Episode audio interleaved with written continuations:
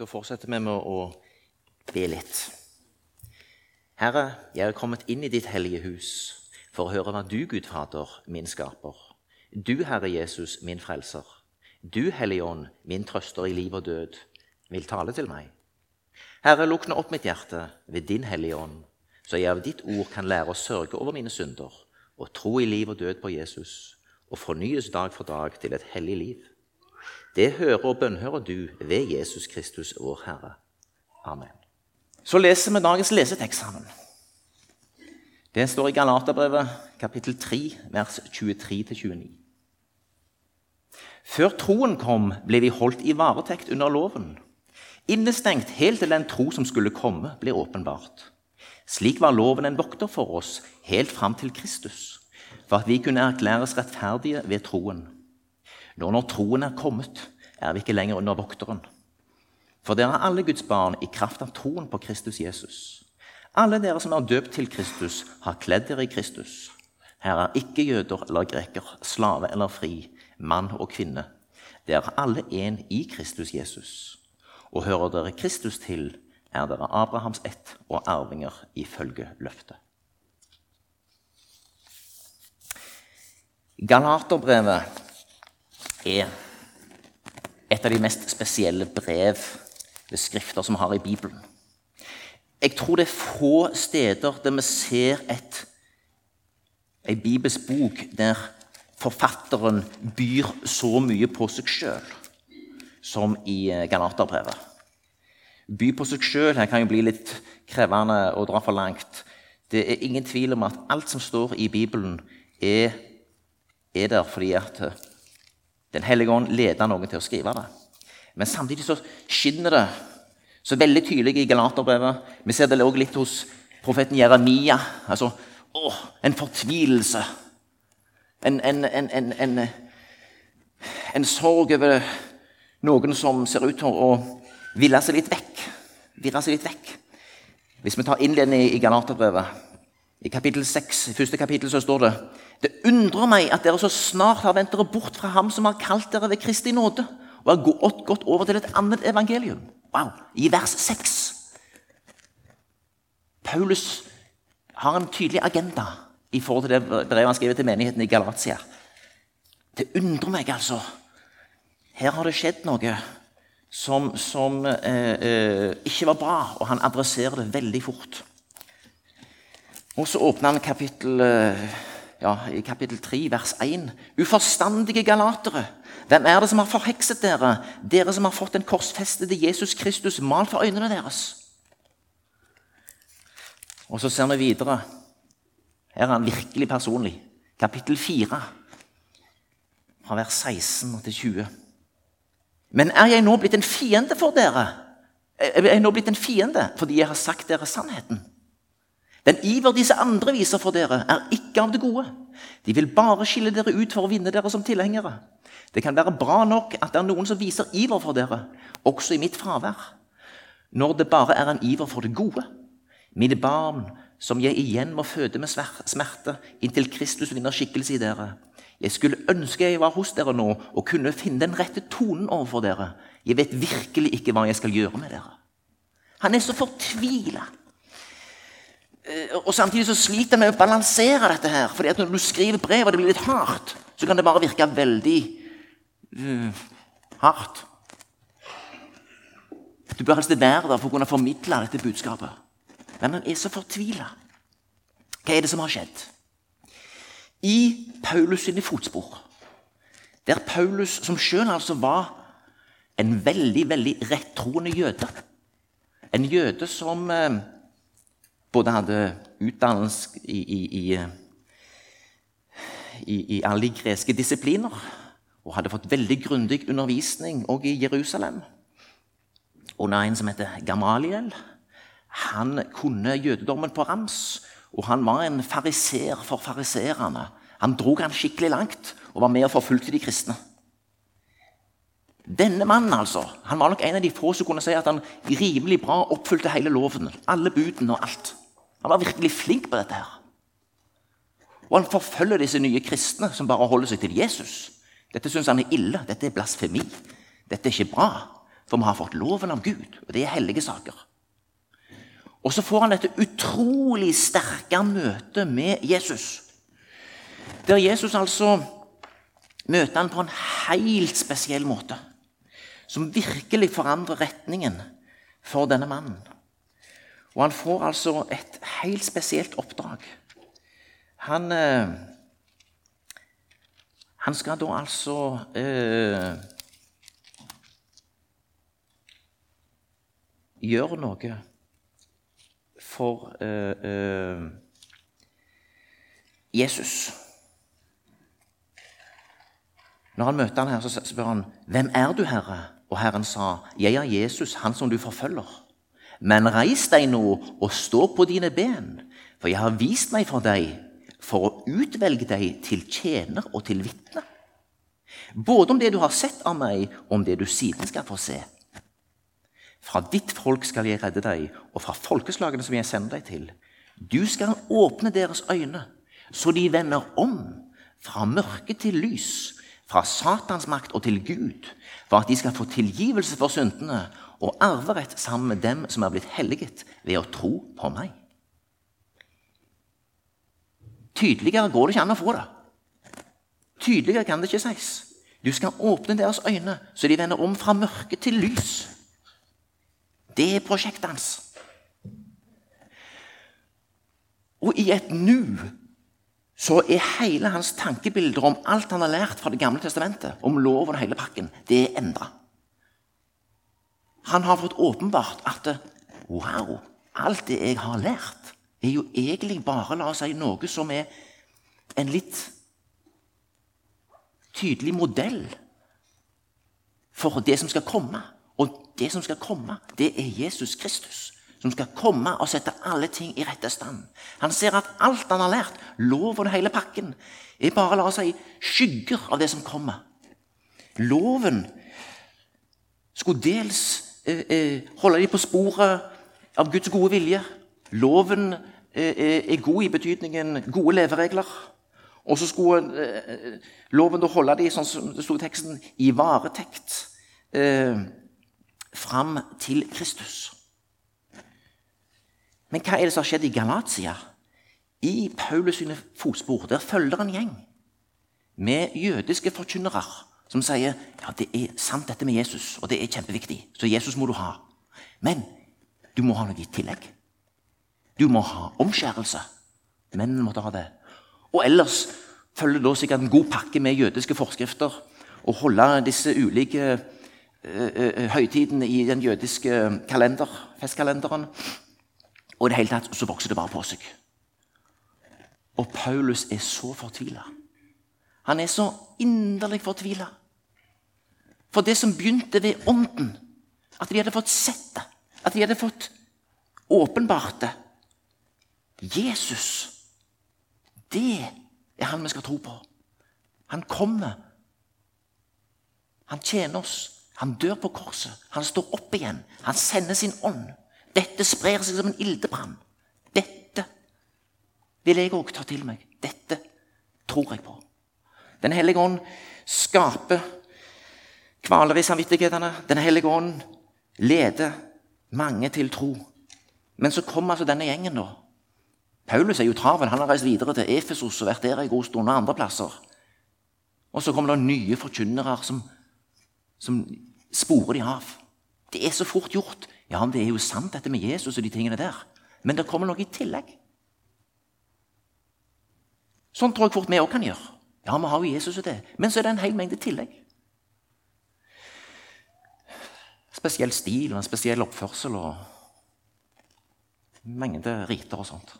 Eh, nå tror jeg egentlig at vi lever i en eh, kultur som på mange måter er litt sånn etterprotestantisk. Det har vært en veldig sånn der, der lutherdommen har gått fram, der har det på mange måter blitt slik at mennesker har blitt satt fri. Eh, det har blitt skapende krefter som har blitt forløst.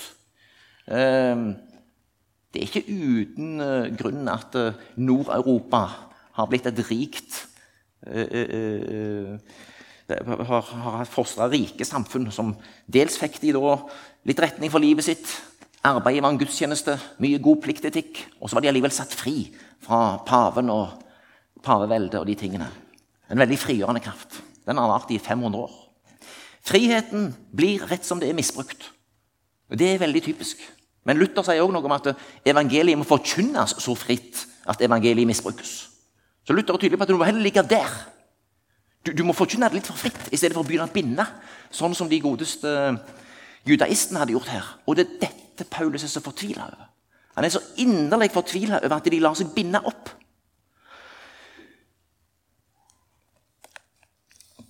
Før troen kom, ble vi holdt i varetekt under loven, innestengt helt til den tro som skulle komme, ble åpenbart. Slik var loven en vokter for oss helt fram til Kristus, for at vi kunne erklæres rettferdige ved troen. Nå når troen er kommet, er vi ikke lenger under vokteren. På gresk er det et eget ord på dette her. Pahidagogos. Pahidagogos. Det er vokteren. Denne pahidagogos det var typisk en slave som i penere hjem i romersk og gresk kultur hadde ansvaret for en sønn, kanskje typisk, og passe på han. For han var 16 var 17 år.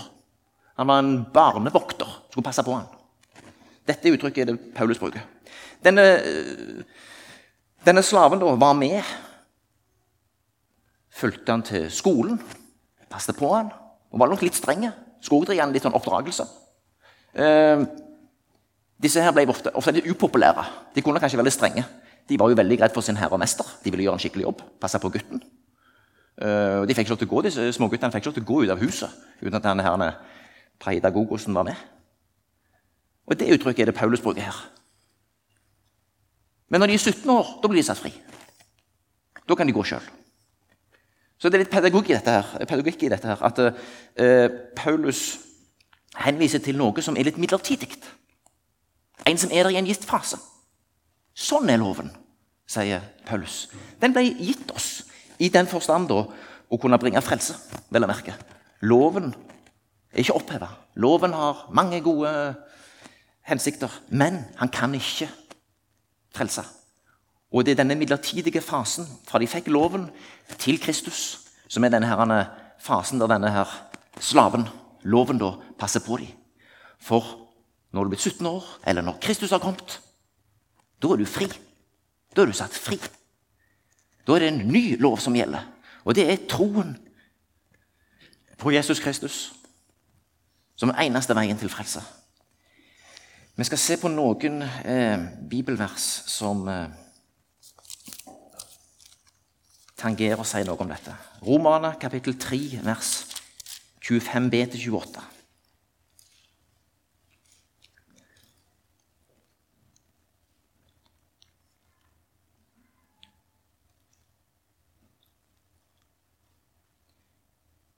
Slik ville Gud vise sin rettferdighet, for tidligere hadde han i sitt tålmod båret over med de syndene som var begått.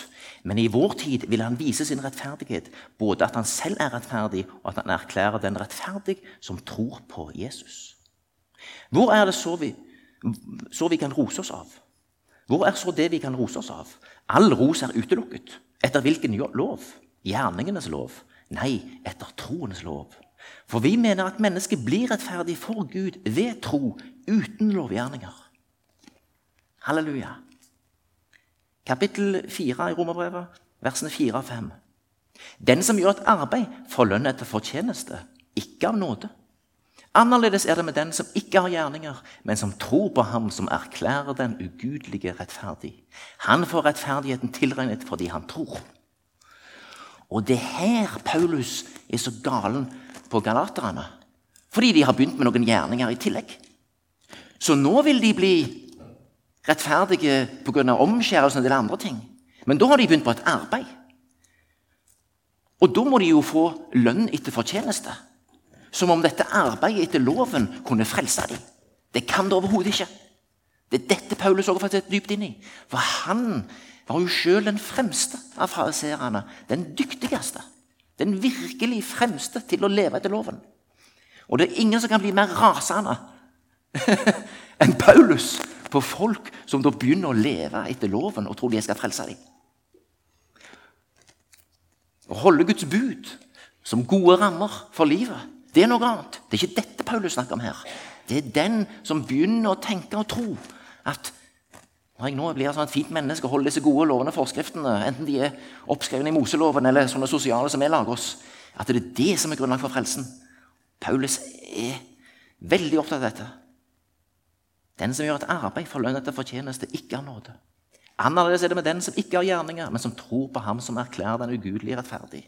Han får rettferdigheten tilregnet fordi han tror. Dette er det Paulus har banket inn i galaterne. Dette er de i ferd med å, å, glemme, og dette må han minne dem på om igjen. Videre i Romerbrevet kapittel 5, vers 1. Der vi altså er blitt rettferdige ved tro, har vi fred med Gud, vår Herre Jesus Kristus. De hadde denne freden. Og så kommer noen med et tillegg. Og da blir det faktisk ufred, for da er du ikke trygg lenger. Du er kun trygg og får være i fred og når du får i full tillit til Herren for å hvile i frelsesverket.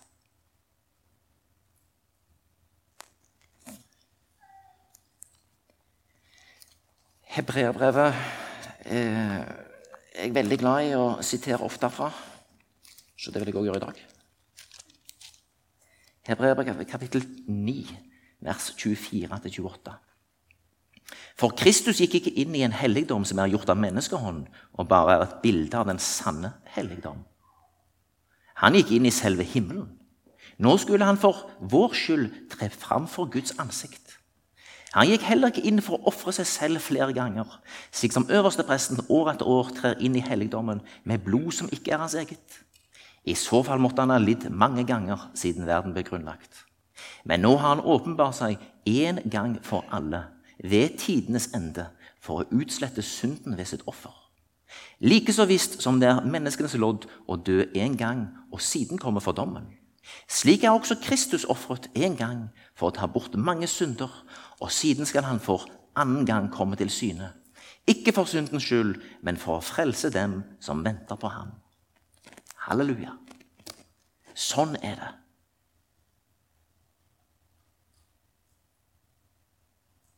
Men nå har han åpenbart seg en gang for alle, ved tidenes ende, for å utslette synden ved sitt offer. Og det finnes intet annet offer. Det finnes ingen annen frelsesgrunn å bygge på. Det som Trygve Bjerkhaug sier, det er bærgrunn som evig hell. Det er veldig fint sagt. Det er bærgrunn som evig hell. Du får bygge på nådeordet. Og det holder. Og dette er det Paulus nå må banke inn i galatserne om igjen, litt fortvila, litt på distanse. Uh, og han må dels forsvare seg sjøl, for han har blitt litt uh, nedvurdert av disse andre. Å forsvare seg, og Samtidig så er det ikke å forsvare seg sjøl, men det rene evangelium. Det er det som er jobben hans. For dere er alle Guds barn i kraft av troen på Kristus Jesus. Alle dere som har døpt til Kristus, har kledd dere i Kristus. Her er det ikke jøde eller greker, slave eller fri, mann og kvinne. Dere er alle en i Kristus Jesus. Og hører dere Kristus til, er dere Abrahams ett og arvinger ifølge løftet. Og Paulus har både i Galaterbrevet og andre plasser henvisninger til Abraham som trodde. Og løftet ble gitt til han. Og dette løftet kom lenge før loven. Og Derfor er det noe som peker helt fram til oss som aldri hadde loven men som fikk tro og blir rettferdige ved troen, der Abraham er et forbilde for oss. Eh, hvis vi tar teksten som sto i salmene, som Torgeir leste Gud være oss nådig og velsigne oss. La ditt ansikt lyse hos oss, så din vei blir kjent på jorden, din frelse blant alle folkeslag. Dette er det vi holder på med som en del av eh, vårt oppdrag i Norsk Luthers Misjonssambann og i Salem. Det er å bringe dette frigjørende Kristusbudskapet videre. Dette budskapet om at det finnes bare én vei til Gud, det er å forsone seg med Gud ved å tro på Jesus Kristus. Han som har åpna veien til himmelen for oss. Det er fullbrakt. En gang for alle. Folkene skal prise deg, Gud. Ja, alle folk skal prise deg. Det får vi være med på.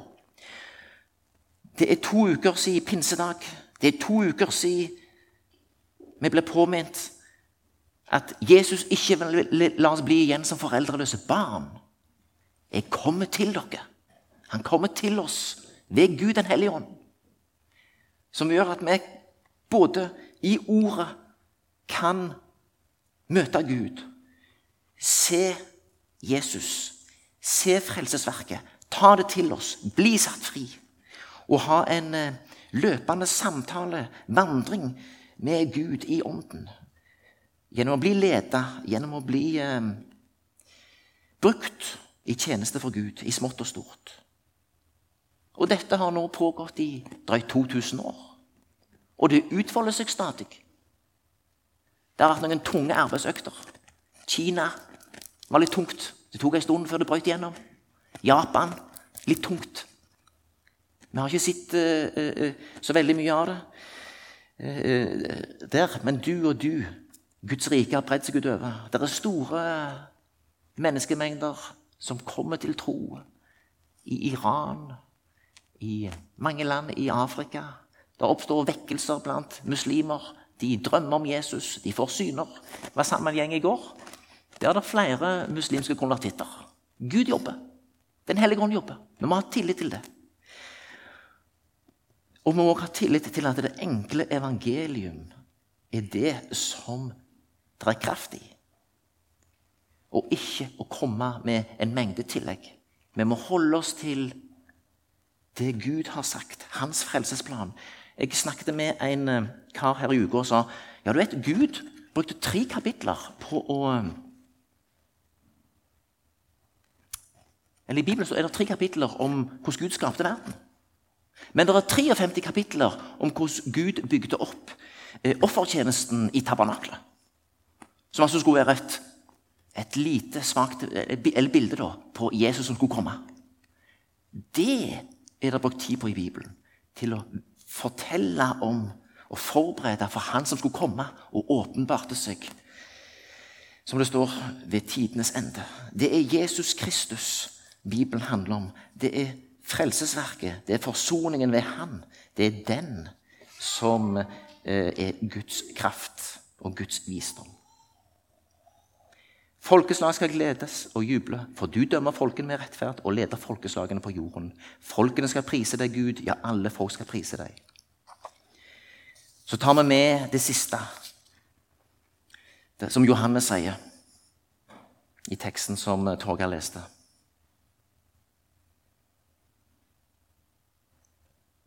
Han skal vokse, jeg skal avta.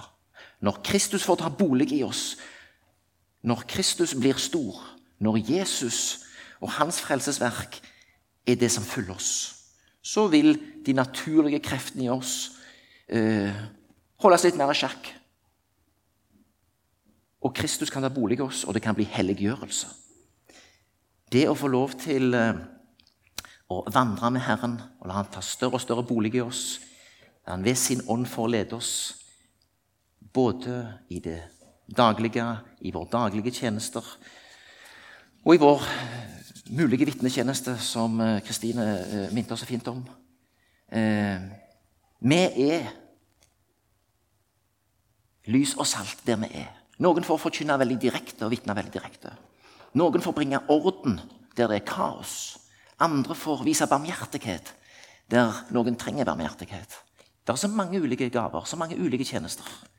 Men til sammen så er det som det står i Efeserbrevet, kapittel 2, et eh, vers der som eh, min bror leste da han var her høsten 2016, som jeg ikke har glemt.